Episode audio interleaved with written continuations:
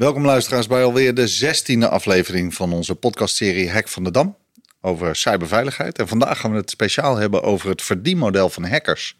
Natuurlijk is weer aangesloten Martijn. Martijn, welkom. Dank je.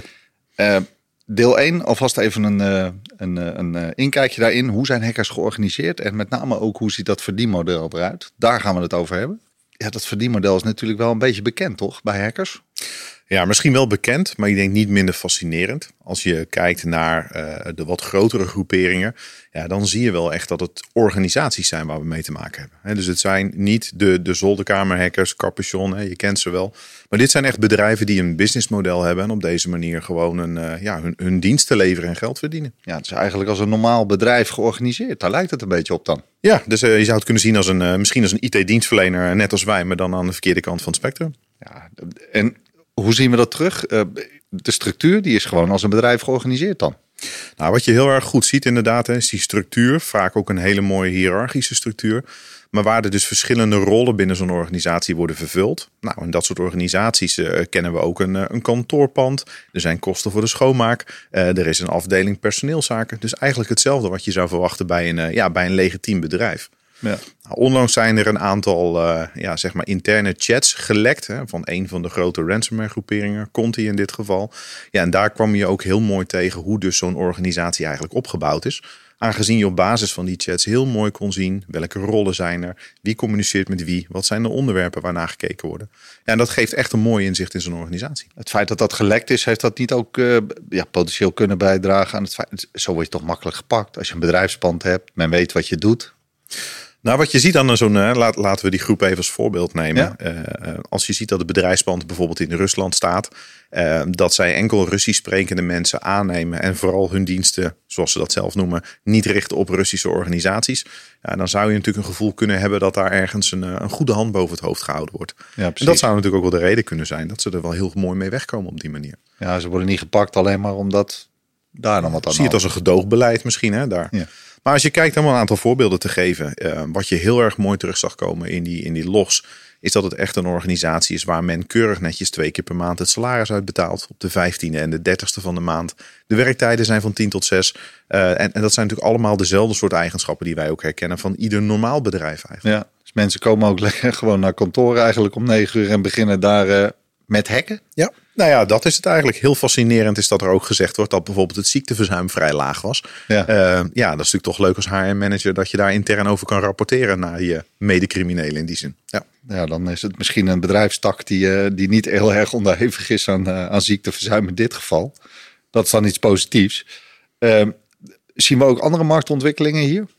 Nou, wat je wel heel erg ziet bij die, bij die organisaties is dat zij natuurlijk ook heel erg mooi de markt volgen. En dus als je bijvoorbeeld kijkt van is er nou een nieuwe kwetsbaarheid gevonden hè, waar de hele wereld moord en brand schreeuwt dat je iets mee doet, ja. dan zie je dat dat soort organisaties in staat zijn om zich heel snel aan te passen en ook bijvoorbeeld zo'n kwetsbaarheid gelijk onderdeel te maken van hun aanvalspatroon.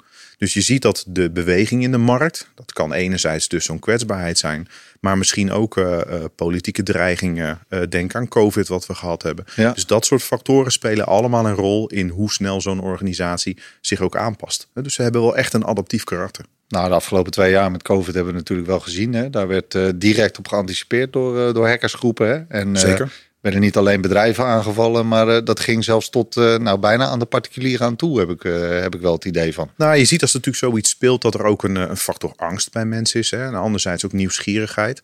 Hetzelfde zagen we natuurlijk ook in, de, in de het conflict zeg maar, tussen Rusland en Oekraïne. Dat er toch mensen aanspoort om eerder misschien ergens op te klikken, nieuwsgieriger te zijn naar de inhoud van een video of een potentiële video. Ja, en dat zet toch weer zoden aan de dijk voor die, voor die hackers. Het is hier een nieuwe manier om, om makkelijk binnen te dringen. Dus juist bij dit soort ontwikkelingen ook uh, wees voorzichtig is eigenlijk de Nou tip. ja, dat sowieso. Hè. Ik denk dat dat altijd goed is om, om voorzichtig te zijn. Maar ja. vooral bij dat soort ja, ingrijpende zaken die spelen. Ja, wees er gewoon op bedacht dat dat gebeurt. Iets met een marktonderzoek. Zij doen marktonderzoek, hè? Die, die, die ondernemingen. Ja, noem het even ondernemingen. Maar die, die hackersgroepen dan. Ja, dat is natuurlijk ook een stukje wat fascinerend is. Hè. Net als ieder ander bedrijf doen zij ook onderzoek naar waar kan ik het beste mijn nou, hun zogenaamde diensten kwijt. Wat levert het ongeveer op? Wat die zijn potentiële slachtoffers? Ja. ja, en daar zie je, als we even als voorbeeld nemen van die, van die ransomware groeperingen, die die gijzelsoftware uitrollen. Ja, dat er snel gekeken wordt. Ja, nou, een organisatie heeft een jaaromzet van, uh, van X. Uh, en daar pakken we ongeveer zo 0,4 tot 2 procent van die omzet als, uh, als losgeldbedrag. Ja. Dus er zit wel een gedegen onderzoek ook in bij zo'n partij. Van ja, wat heb ik in handen? Uh, wat doen ze per jaar aan omzet en wat kan ik daar ongeveer van, uh, van eisen? Ja, dit zien we ook groeien. Hè? Ik bedoel, uh, 0,4 tot 2 procent was een beetje wel de, richtgetallen. Hè? Maar er wordt natuurlijk inmiddels belachelijk veel meer gevraagd natuurlijk. Ja, en als je terugkijkt, hè, bijvoorbeeld de Universiteit van Maastricht, dan gaan we niet te diep op in, want het voorbeeld hebben we al meerdere malen gegeven Precies, natuurlijk. Ja.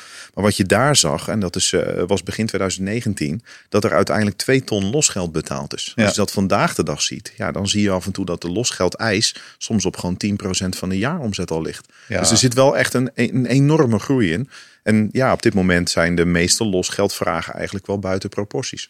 Want omzet hebben is één, maar als bedrijf, ja, het verschil tussen omzet en winst 10% van je jaaromzet, ja, dat leg je niet zomaar even aan de kant voor een, uh, voor een stukje losgeld. Nee, dan uh, moet je bedrijf wel erg renderen. Dus uh, nee, daar moet je rekening mee houden. Dus ja. er is een heel duidelijk verdienmodel.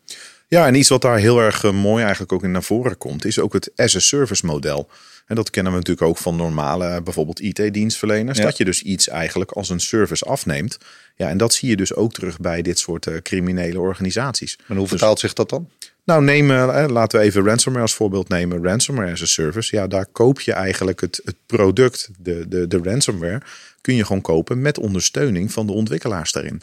Dus uh, ja, uh, jij en ik, misschien geen idee hoe we moeten programmeren, kopen gewoon de tool. Ja. En kunnen vervolgens het gebruiken om organisaties te besmetten.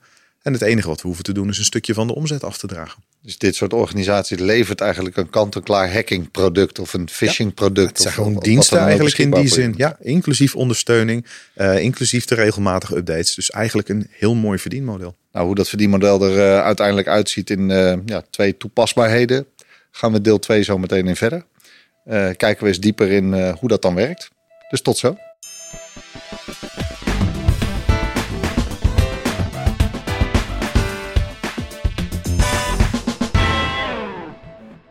Martijn, we kijken eens verder naar het verdienmodel van phishing en van ransomware. En uh, daar zouden we even wat verdieping in aanbrengen. Het, het verdienmodel phishing. Uh, phishing panels, ik lees er veel over. Er gebeurt ook een hoop. Er wordt ook jacht op gemaakt uh, door politie, overheidsinstellingen. hoe zit het in elkaar? Die phishing panels, dat is best wel een, uh, ook alweer een ingenieus model wat ze eigenlijk bedacht hebben, hè, die cybercriminelen. Want uh, ja, kijk, phishing kennen we natuurlijk wel. Hè. We sturen bijvoorbeeld een mailtje, zit een linkje in, klik je op en er gebeuren allerlei vervelende dingen. Maar ja, dan moet je toch verstand van zaken hebben om zo'n linkje ook te kunnen maken, zo'n mailtje goed te versturen. Dus die cybercriminelen dachten van ja, hoe kunnen we dat onze collega-criminelen makkelijker maken? En zijn uiteindelijk uitgekomen op phishing panels. Nou, zo'n phishing panel kun je eigenlijk zien als een kant-en-klaar pakket om phishing e-mails te kunnen sturen. Maar ook om een stukje zicht te houden op hè, wie klikt erop, wie doet wat en wat gebeurt er. Maar dan ja, als een compleet pakketje, zonder dat je dus eigenlijk verstand van zaken hoeft te hebben. En, en wat zie ik aan zo'n mailtje dan? Want de, de, de phishing mailtjes eh, van banken en dat soort dingen, die herken ik natuurlijk wel. Nou, is op zich goed dat je die herkent. Hè. Dus in ieder geval na 15 of 16 afleveringen eh, hebben we dat erin zitten. Bedankt. Nee, zonder gekheid Jasper. Maar als je kijkt, ja, die phishing mails blijft natuurlijk voor die aanvallers de manier vaak om binnen te komen of om iets voor elkaar te krijgen. Nou, bij die phishing panels is dat vaak wel financieel gewinnen. Ze willen uiteindelijk graag geld uh, afhandig maken.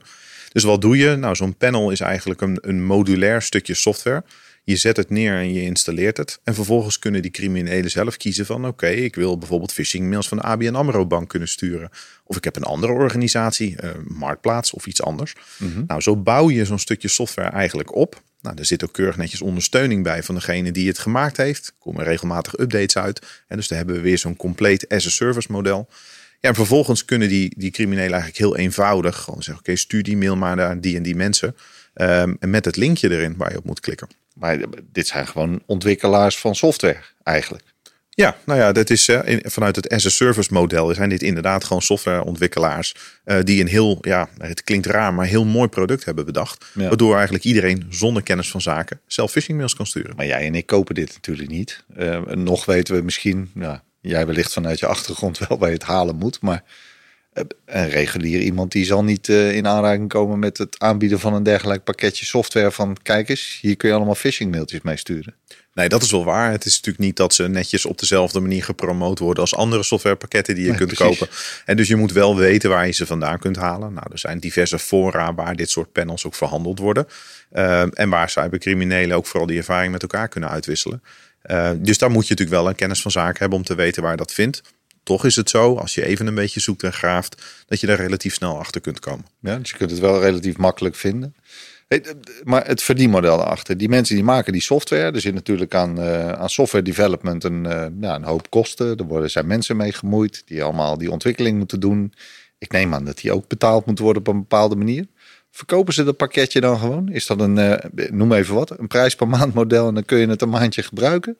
Het klinkt heel gek, maar ja, daar heb je het eigenlijk wel over. Het wordt echt als een pakket aangeboden. En, uh, en, en nou ja, stel je voor dat jij en ik dat zouden willen doen. Dan kunnen we dat aanschaffen, uh, afnemen en inzetten. Waar natuurlijk het verdienmodel zit, is voor degene die het maakt, is natuurlijk vooral in de verkoop en soms ook in de opbrengst. Hè, dat daar een stukje, een stukje fee over betaald wordt. Maar als je kijkt voor de cybercrimineel, ja, die gebruikt die, dat, dat phishing panel natuurlijk om mensen bijvoorbeeld weer geld afhandig te maken. Nou, om je een voorbeeld te geven hoe dat in zijn werk gaat. Ja. Um, stel, ik, ik koop zo'n phishing panel en ik, ik, kies daar modulair voor om, uh, nou, laten we de ABN AMRO bank nemen, om, om dat soort e-mails uit te sturen. Ja, dan stuur ik natuurlijk niets vermoedende mensen mailtjes van, nou, klik hier, want er is iets met uw account. Ze klikken erop. En vervolgens zou het zomaar kunnen zijn dat je ineens uh, een wachtscherm krijgt van je bank. Ja. Dat is natuurlijk heel raar, hè? want over het algemeen als we internetbankieren werkt zo'n app eigenlijk direct. Ja, maar bij dat ja. soort panels uh, zie je wel dat die bankapps dan ineens anders gaan reageren. Dat is vaak ook een goede indicator. Als je ziet dat de website van je bank vraagt of je even wil blijven hangen, meestal niet een goed teken. Nee, wat moet je doen dan? Nou, ik zou hem vooral wegklikken. Want over het algemeen uh, is er dan wat aan de hand. Mocht het toch een technische storing zijn, probeer het later nog een keer. Op de achtergrond gebeurt iets. Op de achtergrond gebeurt dat is eigenlijk iets. wat je zegt. Precies. Ja. En daar kom je eigenlijk in het tweede deel van het panel. Hmm. Uh, want het, laat niet alleen, uh, het geeft je niet alleen de mogelijkheid om dat soort phishing eigenlijk uit te sturen. Maar stel nou dat iemand erop klikt en die komt dus op zo'n malafide bankwebsite. En dan krijgt degene die dat panel gebruikt keurig netjes een bericht dat zijn slachtoffer online is. Het klinkt heel raar, maar het ziet er een beetje uit als een soort interactief service desk pakket. Je krijgt een zogenaamd alarmbelletje van hey let op. Ja. Een van je slachtoffers heeft geklikt. Precies, er komt een pop-up. Jasper Glazer is online. En op dat moment weet je dat, uh, dat diegene op de link geklikt heeft. En dan zou je denken, ja, wat moet je daarmee? Maar kijk, op het moment dat diegene op een valse bankpagina zit. En die, die operator, zoals we dat noemen, krijgt dus een berichtje van hey, hij is online.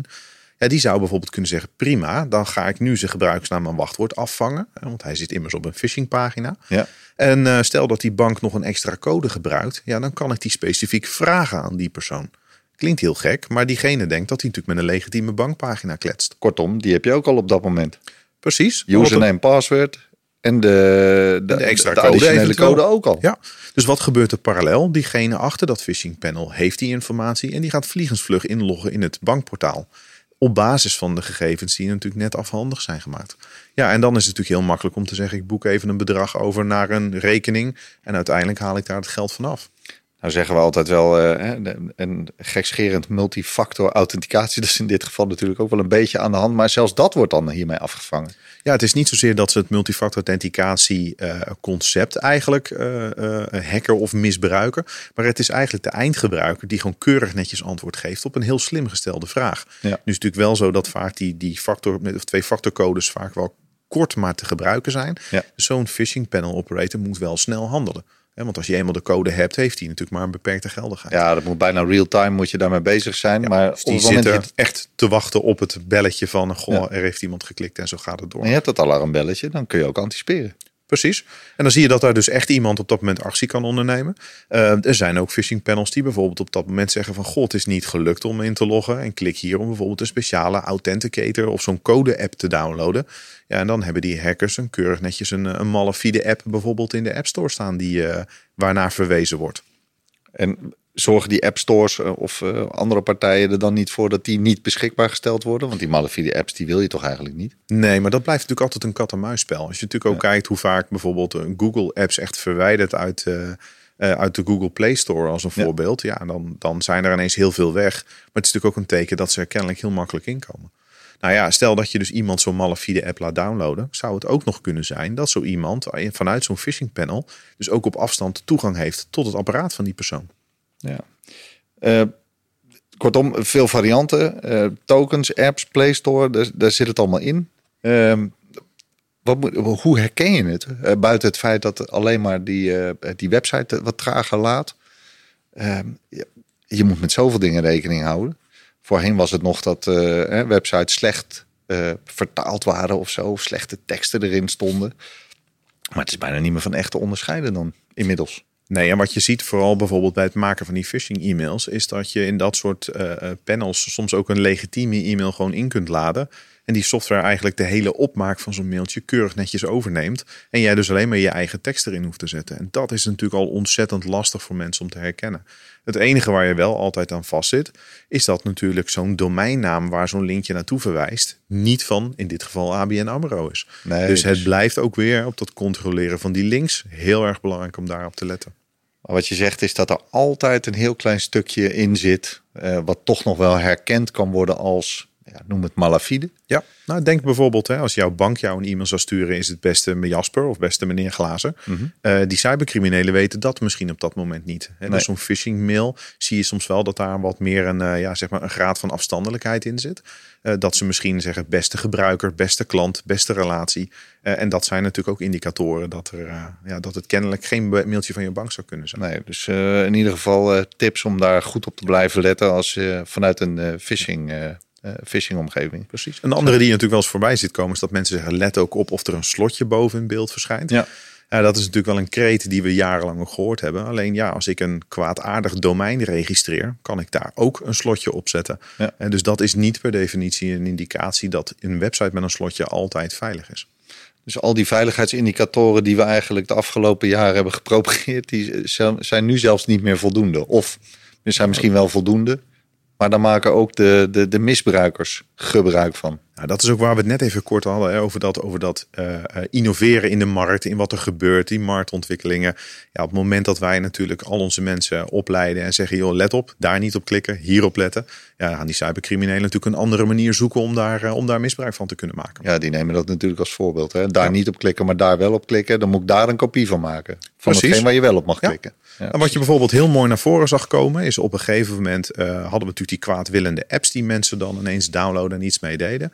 Uh, dat ook banken steeds slimmer werden. Want die gingen kijken van, goh, als ik nou een transactie zie uit een raar land of een rare plek, dan zet een bank daar misschien wel even een halt op of een extra controle. Maar als jij natuurlijk zo'n slechte app op je telefoon geïnstalleerd hebt en die aanvallen heeft daar controle over, ja, dan wordt de banktransactie via jouw telefoon gedaan. Dus ja, voor de ontvangende kant, de bank in dit geval, die zegt ja, dat apparaat ken ik, want daar logde net uh, die persoon mee in. Ja, dus ze worden heel erg gewiekst op dat gebied uh, hoe ze omgaan met dat soort aanvallen. Zover voor phishing. Uh, het verdienmodel ransomware. RAAS noemen we dat. Ehm, het is natuurlijk wel, wel raar. Hè? Het verdienmodel rondom ransomware en de aanvallen die zijn daarin steeds groter qua opzet. hoe zie je dat terug? Ja, we, zien natuurlijk een hoop in de media. Hè? Daar hoeven we ja, niet lang bij stil te staan. Maar ehm, het is met name dat er een groot verdienmodel of een groter verdienmodel steeds achter gaat zitten, blijkt wel. Ja, dat hele model achter ransomware is natuurlijk best fascinerend. Maar wat je ook ziet is dat natuurlijk de bedragen die daarmee gemoeid zijn op dit moment natuurlijk wel immens zijn. Uh, vorig jaar uit mijn hoofd uh, was het iets rond de 600 miljoen wat er aan losgeld betaald is aan, aan ransomware aanvallen. Uh, dat is natuurlijk wel echt een serieus businessmodel. Ik denk dat er een hoop sectoren zijn uh, die daar misschien wel een beetje jaloers op zijn hoeveel geld daarin omgaat. we hadden het al even over 0,2 tot 4 procent of 0,4 tot 2 procent moet ik zeggen eigenlijk van, de, van de totale omzet van een onderneming die wel eens gevraagd zou kunnen worden. Eh, die zien we ook al stijgen. En uh, ja, dan snap ik wel dat er uiteindelijk over alles wat er gevraagd is, meer dan 600 miljoen misschien wel gevraagd wordt aan zulke partijen. Ja, en ik denk dat een, uh, een veelgemaakte denkfout wel is dat dat soort partijen gewoon compact zijn of eenlingen die zaken doen. Ja. Uh, wat ik net al schetste over hoe dat, dat businessmodel erachter zit. Ja, daar zie je die gelaagdheid, het formaat. Nou, als we even teruggrijpen op die gelekte documenten van die, van die Conti-groep. Dat is een organisatie met 100 man. En die bestaan 10 jaar. Uh, dus het is niet de eerste, de beste zolderkamerhacker die iets in gang zet. Nee. Dus het zijn wel serieuze partijen. En wat heel erg interessant is als je kijkt vooral bij ransomware, is je hebt partijen die ransomware gebruiken. Maar je hebt ook zogenaamde ransomware as a service, waar we, wat, wat ik net ook zei. En dat ransomware as a service is echt een fascinerend model. Want daar zie je ook keurig in terugkomen dat er een partijen zijn die die ransomware ontwikkelen. dat vervolgens aanbieden op voorraad te koop. Daar kom je ook niet zomaar aan. Hè. Dus ze vertrouwen je niet direct. Uh, ja, nou, daar moet je dus ook weer Russisch sprekend zijn. En dat helpt ook weer in de communicatie. Heel toevallig. Is het alleen maar Rusland of vinden we het ook nog in andere landen? Nee, je vindt het ook wel in andere landen. Maar het is wel heel zichtbaar dat als jij uh, met, met Russisch sprekende vaak werkt, jij valt geen Russische doelen aan. Maar Dat je over het algemeen een prima verblijfplaats daar in, uh, in Rusland hebt als, uh, als ransomware terrorist. Nee, maar dat is wel bekend denk ik. Hè? Dat met ja. name ook een, volgens mij is dat ook wel zichtbaar gemaakt, ook in die Conti papers, zeg maar. Ja dat juist uh, als daar wel aanvallen plaats hebben gevonden op Russische doelen, dat ze meteen uh, weer afstand nemen. En eigenlijk. Ja, en keurig netjes de sleutel hele, overhandigen en sorry precies. zeggen eigenlijk. Ja. En dat is ja. natuurlijk wel iets wat je heel sterk terug ziet komen. Nou ja, als we kijken naar de ransomware as a service. Um, dat is natuurlijk best ook wel een, groot, uh, een grote organisatie. Want enerzijds heb je te maken met degene die de ransomware dus ontwikkelt. Maar vervolgens krijg je in die keten dus ook mensen die het bijvoorbeeld moeten testen, die kijken of het werkt. Je hebt mensen die uiteindelijk natuurlijk zorgen dat het, uh, de ransomware gedistribueerd kan worden. Dus voordat jij zo'n dienst als ransomware um, hebt staan, ja, daar ben je natuurlijk ook wel weer even zoet mee. Dus het vergt ook wel een bepaalde grootte van, van de organisatie. Ja, want zo'n keten ja, is natuurlijk heel groot. Er zijn meerdere partijen die daar een rol in spelen. Hoe ziet dat eruit? Nou, kijk, het leuke natuurlijk uh, aan die ransomware service is dat het ook een affiliate marketing eigenlijk doet. En dus jij koopt het. En dan, dan moet je wel een percentage van je opbrengst afdragen. Over het algemeen bij ransomware zie je dat het ongeveer 70-30 is. Ja. Dus als ransomware uh, installateur pak je 70% van, de, van het losgeld. Uh, en 30% gaat naar degene die het ontwikkeld heeft. Dat is natuurlijk wel heel interessant als je veel partijen hebt die voor jou die ransomware uitrollen. 30%. Um, en vervolgens zie je naarmate jij steeds meer handel binnenbrengt, dat ook de hoeveelheid die je af moet dragen bijvoorbeeld kan minderen. Dus er zijn ook partijen waar je eigenlijk beloond wordt op het bieden van heel veel handel, waardoor je uiteindelijk minder geld hoeft af te dragen. Ja, in dit geval 70-30 is dan een verhouding die uh, vanuit een ontwikkelaar versus een uh, ransomware daadwerkelijk pleger uh, zeg maar, plaatsvindt. Ehm, wat is de volgende stap in zo'n keten? Nou, als je natuurlijk kijkt in die keten, hè, het start in dit geval met de mensen die de ransomware maken. Hè, dus dan, ja. dan heb je het daar staan. Uh, maar voordat zo'n partij eigenlijk die ransomware uitrolt, en het is vaak de aanname dat zij dat zelf um, ook daar uh, toegang krijgen tot een organisatie en gaan verkennen, et cetera. En dat zie je in de praktijk toch wel wat anders werken. Dus meestal start het met uh, groepen of individuen die toegang tot een klant of een organisatie weten te krijgen. En dan worden vaak die, die inloggegevens of zo'n achterdeurtje worden eigenlijk verhandeld. En dan heb je eigenlijk die initiële toegang tot een omgeving te pakken. En vervolgens zijn er dan partijen die zeggen: Oké, okay, ik koop die toegang en ik ga wel een verkenning doen wat daar nou allemaal te vinden is in zo'n organisatie. En die partijen die dat doen zijn de zogenaamde access brokers. Maar die, die ja, verkopen access... die toegang aan andere partijen. Precies. Dus ook weer op dat soort uh, fora wordt dat verhandeld. En dan koop je eigenlijk de toegang tot een organisatie uit het achterdeurtje. Ja, en dan gaan ze daarna inventariseren. En dan heb je natuurlijk eigenlijk een beeld van: oké, okay, wat, wat is de potentie van zo'n doelwit? Nou, dan zie je vaak dat er dus daarna groeperingen zijn die zeggen: Oké, wij kopen die toegang en we hebben dus zicht op de potentie. En dan ga je dus bewust kiezen of je er wel of niet in investeert. En dan gaan zij naar binnen en dan zorgen ervoor dat ze de juiste rechten krijgen.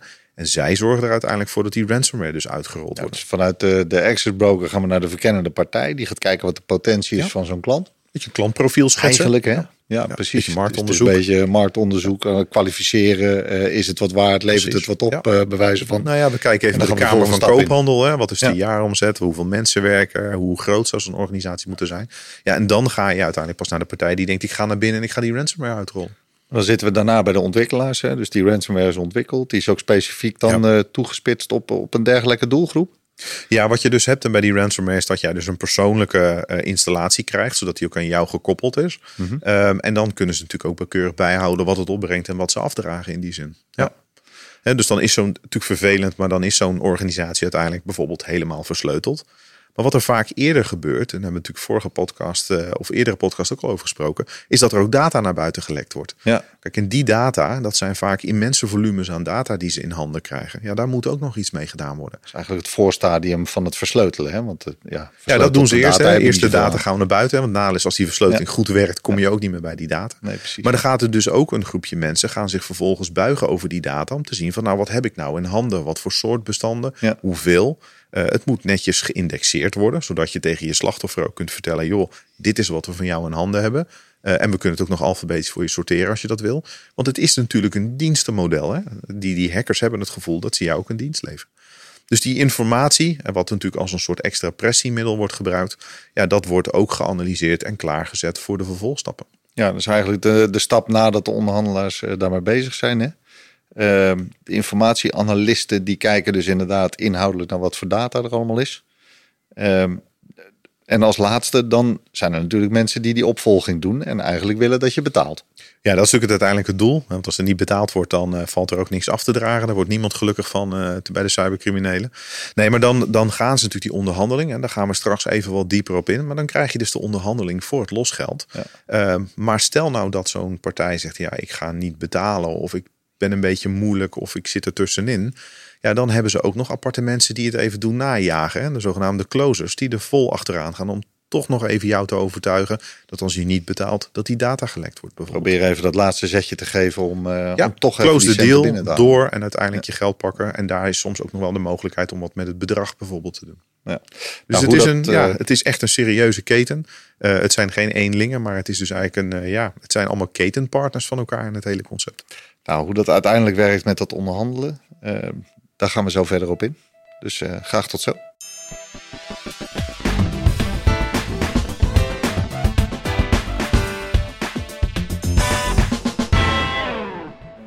Martijn, onderhandelen met onderhandelaars, dat klinkt natuurlijk wel heel erg gek. Hoe zit dat? Ja, het klinkt ergens gek. Anderzijds is het ook wel een, uh, een stuk waarheid natuurlijk waar we mee te maken hebben. We hadden natuurlijk net al eventjes die verschillende partijen die allemaal betrokken zijn, bijvoorbeeld bij zo'n ransomware aanval. Ja, en daar zaten natuurlijk die, die groep zit daartussen die bezig is met het closen van die deal. Maar dat zijn wel echte onderhandelaars. En daarom klinkt het ergens gek, maar is het wel heel logisch dat het gebeurt. Want ja, je gaat toch met zo'n slachtoffer van zo'n hack eigenlijk in onderhandeling om hem zover te krijgen dat hij gaat betalen. Maar dat is eigenlijk die, die hele laatste fase in dat hele traject hè, waar dit in gebeurt, toch? Ja, dan is uiteindelijk zoiets eh, is uitgerold, het, het, leed is geschied. En ja, dan willen die criminelen natuurlijk geld. En ja, die ja. zullen uh, echt een handelaar inzetten, of een onderhandelaar, om dat uiteindelijk los te krijgen. En dat is ook weer een aparte groep die dit doet. Ja, en wat wel heel erg fascinerend is, hè, dat is, uh, ja, zij hebben natuurlijk te maken met vaak dezelfde uh, partijen die ondersteunen bij dit soort incidenten. Ja. Is dat je natuurlijk ook een beetje elkaars gedrag gaat herkennen. Dus als je vaak te maken hebt met zo'n ransomware partij en je hebt vaak te maken met de partij die zo'n klant ondersteunt. Ja, dat kan best zijn dat je daar bijna een soort klant-leverancierrelatie aan het opbouwen bent. En dat is eigenlijk onderhandelen met de onderhandelaar. Ja, dat zijn ook herkenbare patronen natuurlijk. Hè? Volgens mij, uh, Pim Takkenberg heeft daar een en ander over geschreven van Noordweef. Wat zegt hij daarover? Ja, dat was wel, was wel leuk om te zien. Hij gaf ook echt aan dat hij dus af en toe herkent welke persoon, zonder eigenlijk te weten wie de persoon dan is, maar gewoon herkent welke persoon hij eigenlijk aan de andere kant van de lijn heeft zitten bij zo'n ransomware groepering. Puur gebaseerd op de, de wijze van onderhandelen en het patroon wat hij daarin ziet. En dan zie je toch ook wel dat het uh, ja, niet allemaal maar random gebeurt. Hè. Iemand roept wat en we gaan wel zien hoe het landt. Maar dat daar wel echt een gestructureerde onderhandeling onder zit. Ja, moeten we even uitleggen. Noordwijf is natuurlijk een partij die regelmatig met dit soort uh, bijltjes moet hakken. Nood, ja, noodgedwongen. Uh, en dus ook uh, die aanvallen gaat herkennen. En dus ook veelvuldig met deze onderhandelaars spreekt. Nou, natuurlijk het leuke is dat Pim zelf uh, bij de Nederlandse politie vandaan komt. Dus voor hem is dat niet vreemd. Uh, dus hij kan ook wel echt zo'n onderhandeling aangaan met zo'n partij. Maar je ziet, ja, je bouwt echt een relatie op in die vorm. Want het is uh, bijna alsof je, ja, zelfs als jij jouw leveranciers aan de lijn hebt. Hè, je herkent wie er aan de andere kant zit. Ja, zowel klanten, leveranciers, vanzelfsprekend. Dus dat is eigenlijk wat er hier aan de hand is. Ja, ja zeker. Maar het is in die onderhandeling denk ik vooral een kat-en-muisspel. Want van beide kanten weten ze natuurlijk wat de mogelijkheden zijn en ook de, de exit-strategie om ergens uit te komen. Dus ja, hoe ga je dan met elkaar verder in dat proces? Hè? Wat, wat, wie, wie heeft de, de leiding, wie heeft het voordeel en, en hoe ga je daar uiteindelijk doorheen? Dit gaat ook eigenlijk bijna hetzelfde als een reguliere onderhandeling. Hè? Uh, machines kopen, uh, PC's, uh, IT-middelen kopen. En nou ja, je wil de beste deal uiteindelijk. Hè? En daar ja. gaat het om.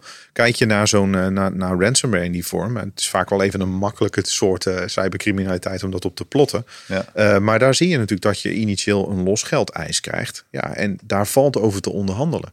En dus hoe sneller je betaalt, of hoe meer ze het gevoel hebben uh, dat, het, uh, dat er potentie in zit. Maar ook je tone of voice. Als je vriendelijk bent en je bent correct, kun je zien dat met die partijen, hoe gek het ook klinkt, een heel goed gesprek te houden is over dat losgeld. Het is eigenlijk te zot voor woorden, hè? kunnen we wel constateren, toch? Nou, dat zeer zeker. Kijk, maar het is voor sommige organisaties uh, cruciaal. Want als je kijkt naar bijvoorbeeld het lekker van informatie. Ja, stel dat jij die losgeldeisen niet wil betalen, maar je wil toch voorkomen dat de data lekt. Ja. dan heb je er wel baat bij als je iets met die prijs kan doen. En betalen is nooit goed. Dat is natuurlijk altijd makkelijk gezegd als het niet je onderneming is. Maar ja, uiteindelijk probeer je natuurlijk toch de schade zo klein mogelijk te houden. Ja, en daar is die onderhandelaar aan de andere kant natuurlijk zich ook van bewust. En dan de stelling dat we voorkomen dat we daar niet vanuit moeten gaan. Is dat, is dat dan waar? Ja, kijk, het is altijd lastig om te zeggen dat je dit soort aanvallen kunt voorkomen. Mhm. Tuurlijk kun je allerlei maatregelen treffen uh, en uiteindelijk het moeilijker maken. Maar het is echt belangrijk om vanuit een blikveld te kijken dat het je gaat overkomen dus tuurlijk, beveiliging preventief hartstikke belangrijk. Maar als organisatie sta er nou bij stil dat wanneer het gebeurt, je wel voorbereid moet zijn op zo'n incident. Heb je bijvoorbeeld iemand die je dan kunt vragen voor jou te onderhandelen? Nou, dat is in een heel laat stadium. Hè. Kijk, we hebben veelvuldig in, uh, in welke podcast dan ook uh, natuurlijk gesproken over alle middelen technisch die je in kunt zetten om, uh, om toch een hogere mate van beveiliging te krijgen we kunnen het ook niet vaak genoeg zeggen natuurlijk. Oefen het misschien wel eens een keer. Maar daar ligt dit heel mooi in het verlengde. Precies. Als je ervan uitgaat dat het je gaat overkomen, kun je nadenken over de gevolgen, de impact, de, de, processen die op dat moment gaan lopen. En dat kun je ook simpelweg oefenen.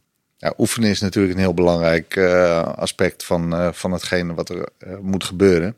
Eh, playbooks in place brengen om, om te zorgen dat eigenlijk bij een eventuele aanval uh, je wel de noodzakelijke maatregelen kunt nemen. Dat is het denk ik vooral, hè? want je, je schetst het goed. Wanneer je ervan uitgaat dat het gebeurt, kun je inderdaad nadenken van wat zet ik in zo'n playbook? En wat zijn de stappen die ik moet zetten? Wie moet ik informeren? Heb ik bijvoorbeeld een partij die mij kan assisteren bij zo'n incident? Of iemand die kan onderhandelen? Maar bijvoorbeeld ook een heel interessante is, ben ik nou in staat om ergens die, die cryptovaluta vandaan te halen? Ja, als, ik niet, uh, als ik niet anders kan dan het losgeld betalen. Adviseren we nou om dat uh, onderhandelen zelf te doen? Of uh, toch maar over te laten aan, ja, noem het even vervelend genoeg, de professionele partijen? Ja, ik denk als je kijkt naar de, eh, de, de, professionele kant die je eigenlijk tegenover je hebt zitten hè, in dit soort organisaties, dat het echt wel zinvol is om daar een partij voor achter de hand te hebben die je daarbij kan assisteren. Ja, want het is, het is een specialisme bijna geworden. En je hebt eigenlijk een ander onderhandelaar nodig voor de onderhandeling. Ja, precies. Dus uiteindelijk wil je dat wel graag hebben en als onderdeel hebben van je playbook. Precies, iets om over na te denken ook op voorhand. Hè. Ben ik in staat tot en, en heb ik dat ervoor over? Maar dat moet erbij in zitten. Dat is hetgene wat je eigenlijk uh, adviseert.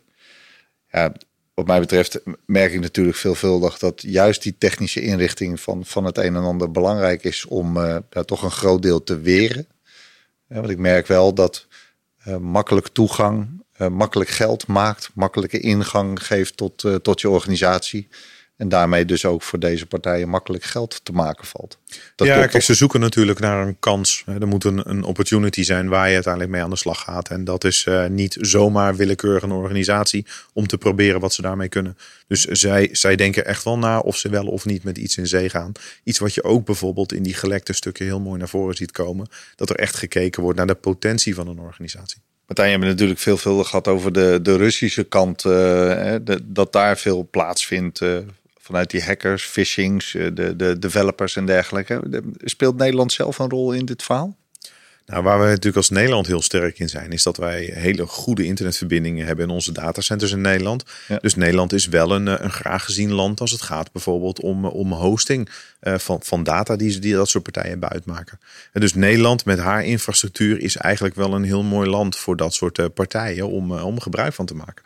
Dus veelvuldig worden er ook echt wel in Nederland een service in beslag genomen, domeinen teruggepakt. Of, of ja, zie je dat de overheid ook ingrijpt op, op criminelen om daar iets tegen te doen. Ja, laatst nog een Nederlander uh, ja, opgepakt. Ja, dat ging bijvoorbeeld over die phishing panels waar we, net, uh, waar we het net over hadden. En dan is het een, een Nederlander was het uiteindelijk, een jonge gozer. Uh, die hebben ze te grazen genomen, keurig netjes van zijn bed gelicht en uiteindelijk drie jaar gevangenisstraf gekregen. Uh, fascinerend was wel om te zien dat hij zelf vond dat hij de nieuwe norm gezet had als het gaat om dat soort phishing panels. Maar dan zie je ook wel dat het goed is dat ook de overheid daar tegen optreedt en dat soort ja, zeg maar Nederlandse criminelen ook wel degelijk beetpakt. En last but not least, en daar is, nou dat leest echt weg volgens mij als een of andere crimi. Ehm, hoe zat dat ook alweer met de mediamarkt? heel mooi voorbeeld, denk ik, waar we eens in diep ja, in de diepte moeten kijken hoe dat nou eens plaatsvond. Ja, de mediamarkt, dat verhaal daarachter. We hebben het natuurlijk in de eerdere podcast al gehad over. Hè? De mediamarkt is getroffen door ransomware. In dit geval van de groepering Hive. Uh, ja, als je het verhaal leest, en uh, complimenten denk ik daarin naar RTL Nieuws. Hè. Daniel Verlaan heeft dat geschreven samen met Pim Takkerberg van Noordwave. Uh, ja, ik denk dat je daar een hele mooie en hele spannende film van zou kunnen maken. Maar dat is wel echt een, uh, een verhaal waar je een heel mooi inkijk uh, krijgt in waar we het net over hadden. Die ja. onderhandelingen met zo'n uh, met zo'n groepering. We hadden in het begin natuurlijk het idee dat de mediamarkt flink wat geld had betaald. Hè? Want ze zaten natuurlijk ja, in de periode waarin dat plaatsvond, vlak voor kerst. de drukste periode van het, van het, jaar kwam. Ja. voor hun een belangrijk moment, ja. En toen kregen we ook wel te horen wat, wat al die bedragen waren, waren die daarmee gemoeid waren. En die logen er niet om. We hebben natuurlijk samen ook al even over gehad hè, voordat we de podcast opnemen. Maar ja, ik denk dat we alle twee het gevoel toen wel hadden van nou, de Mediamarkt die, die gaat inderdaad die betaling doen. Ook omdat ze, wat je terecht zet, een beetje klem zaten in de periode. Uh, maar ja, niets blijkt minder waar. Uiteindelijk heeft de Mediamarkt dus niets betaald. En eigenlijk nog wel een beetje een spelletje met ze gespeeld. Ja, hoe zag dat spel eruit? Laten we beginnen. Ergens, 8 november, heeft er iets plaatsgevonden. Computers van bijna alle Europese vestigingen, die waren ineens gehackt. Ja, die waren dus versleuteld met ransomware in totaal. Hè. Dan moet ik even op mijn spiekbriefje kijken. Maar 49 winkels in Nederland. Dus echt wel uh, een serieuze hoeveelheid. Ja. Uh, waren op dat moment dus niet volledig in bedrijf. Mediamarkt is wel open gebleven. Want er waren een aantal dingen die ze nog wel konden doen. Maar ja, eigenlijk, uh, zwart-wit gezien, lagen ze natuurlijk vrijwel lam. Dat was een beetje het vervelende eraan. Ja, ze konden nog net verkopen wat er in de winkel lag. En, ja, uh, daar uh, de, de kassa doet het nog. We hebben nog geld in de la en daarmee ja. kom je nog een end. Ja. Uh, maar de rest was eigenlijk natuurlijk gewoon, uh, gewoon plat voor de organisatie. Nou, wat dan interessant is om te zien is dat de Mediamarkt eigenlijk gelijk contact opgenomen heeft.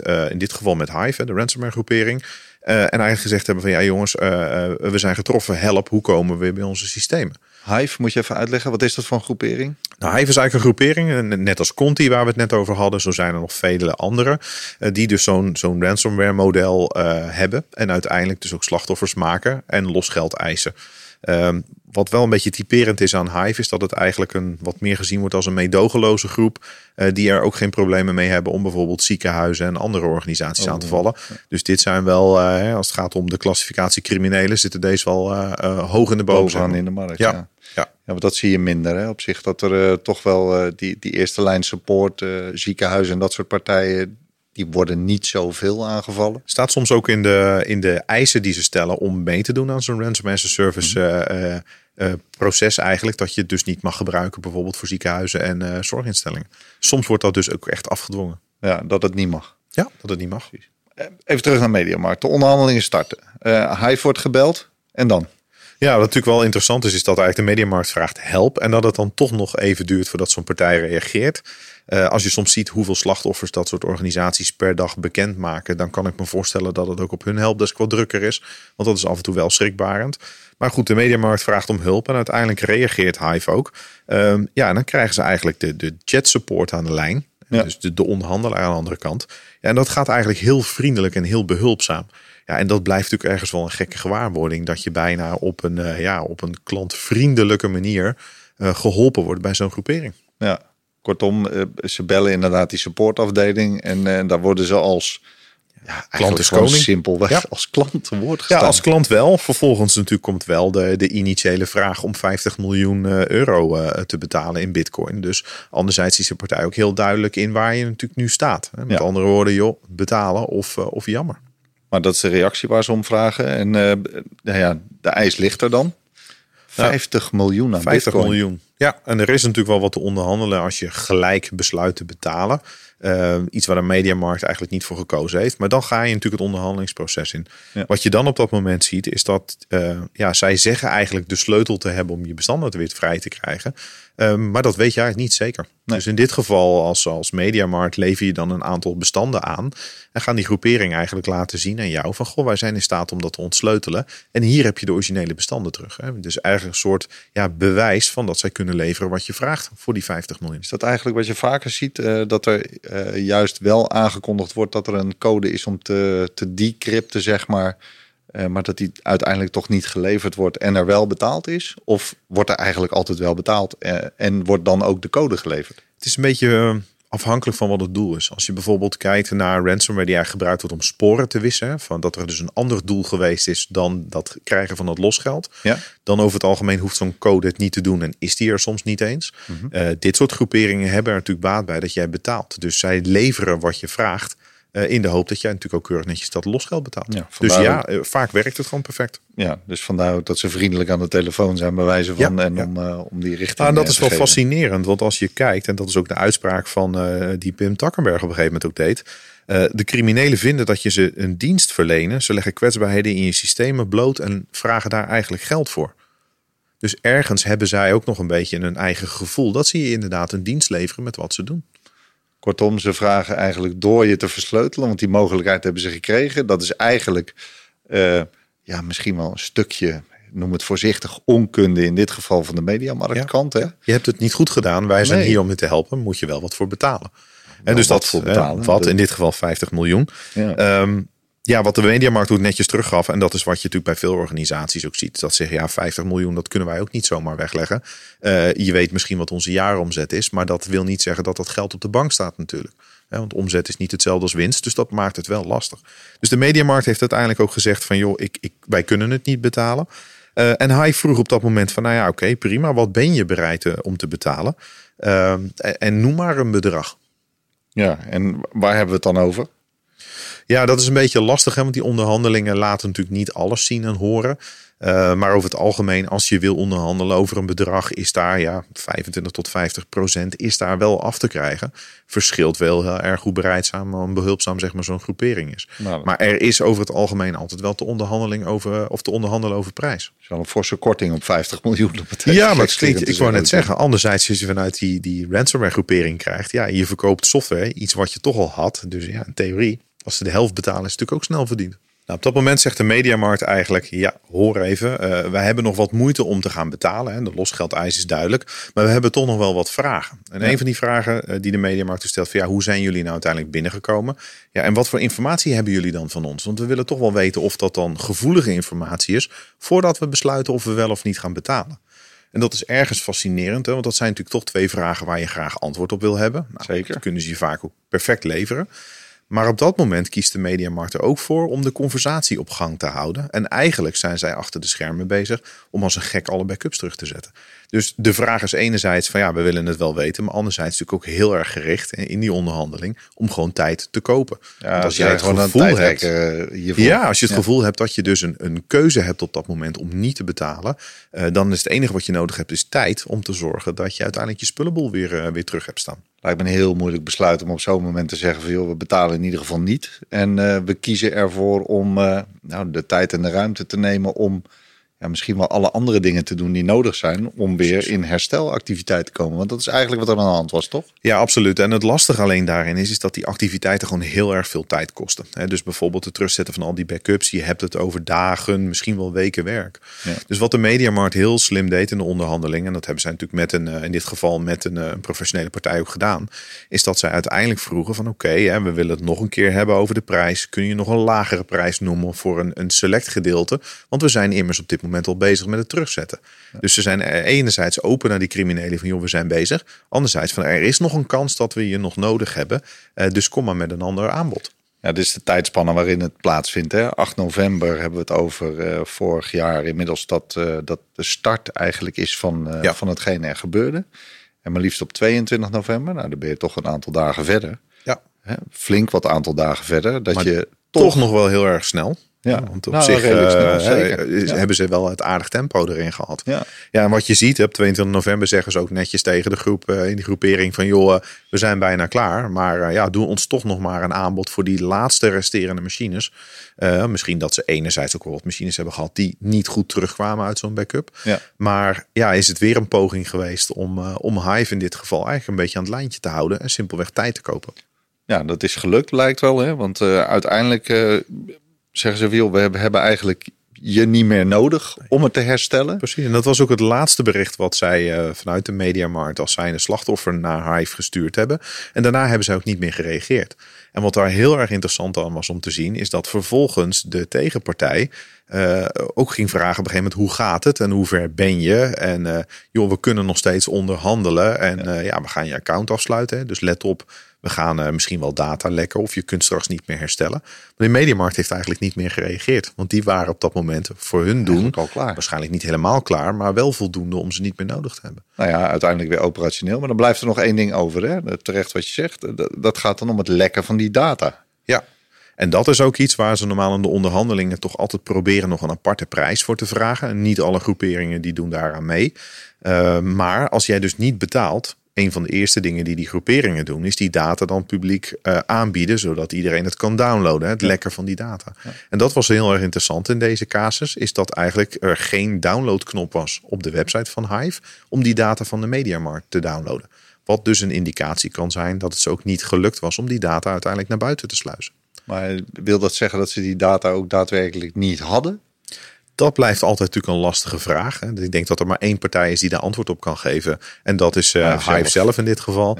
Maar uh, aangezien zij dan op dat gebied altijd wel heel fel zijn in dat naming en shaming, is het ja, toch wel een beetje aannemelijk dat ze het in dit geval ook niet in handen hebben gehad. Nee. Nou, het mogen duidelijk zijn dat ik eh, mede naar aanleiding van deze case niet minder kan doen dan het advies van zorg ervoor dat je backups altijd op orde zijn. Op een goede manier gemaakt zijn. Uh, misschien wel niet, uh, niet writable zijn hè, of uh, herschrijfbaar zijn. Zodat ze in ieder geval geïsoleerd van je omgeving ergens staan, zodat een herstelmogelijkheid. Want ook in dit geval blijkt er toch, zijn er mogelijkheden geweest om te herstellen. Ja. En nou ja, wat je zegt, Mediamarkt is geen klein concern. Nee, zeker niet. Redelijk snel kunnen we wel zeggen dat de herstelactiviteiten hebben plaatsgevonden. Ja. We weten natuurlijk niet per se met hoeveel mensen daar allemaal met man en macht aan gewerkt is. Maar ook uit onze eigen ervaring weten we natuurlijk dat daar uh, nou ja, dat gaat niet over één nacht ijs. Nee, en ze zullen nog weken daarna ook bezig geweest zijn natuurlijk met, de, met de, de, de vervolgschade. En je bent natuurlijk niet gelijk klaar als alles weer terug op zijn plek staat. Nee, maar ik denk dat je de spijker op zijn kop slaat. Uiteraard is het belangrijk om een hoop goede maatregelen te treffen om te zorgen dat je weerbaar bent als organisatie. Maar belangrijker nog, zorg dat je voor jezelf een keuze hebt. Dat op het moment dat dit gebeurt, je dus kunt kiezen of je wel of niet gaat betalen. Kijk, als je die keuze niet borgt, heb je op dat moment eigenlijk geen keuze. Of je moet, net als het Hof van Twente, in staat zijn om vanaf nul aan te beginnen. Ja. Maar dat is voor veel commerciële bedrijven natuurlijk wel echt heel erg moeilijk. Nee, dat zou uh, bewijzen van zelfs de doodsteek voor een, uh, voor een onderneming dat denk ik wel. zijn. Ja. Absoluut. Nou, volgens mij uh, is, is deze tip meer dan waardevol, uh, zullen maar zeggen. En laten we daarmee afsluiten. Ehm, zorg ervoor dat je goede backup hebt, goede backups hebt. Ehm, dat je het oefent. Uh, en dat je ook een overweging kunt maken, misschien wel. Uh, ik denk dat dat dan de beste, uh, beste leerschool is uit deze, uit deze aflevering. Ja. ja, ik wil alle luisteraars weer van hartelijk bedanken. En jou vanzelfsprekend ook weer. Graag gedaan. En graag tot de volgende aflevering.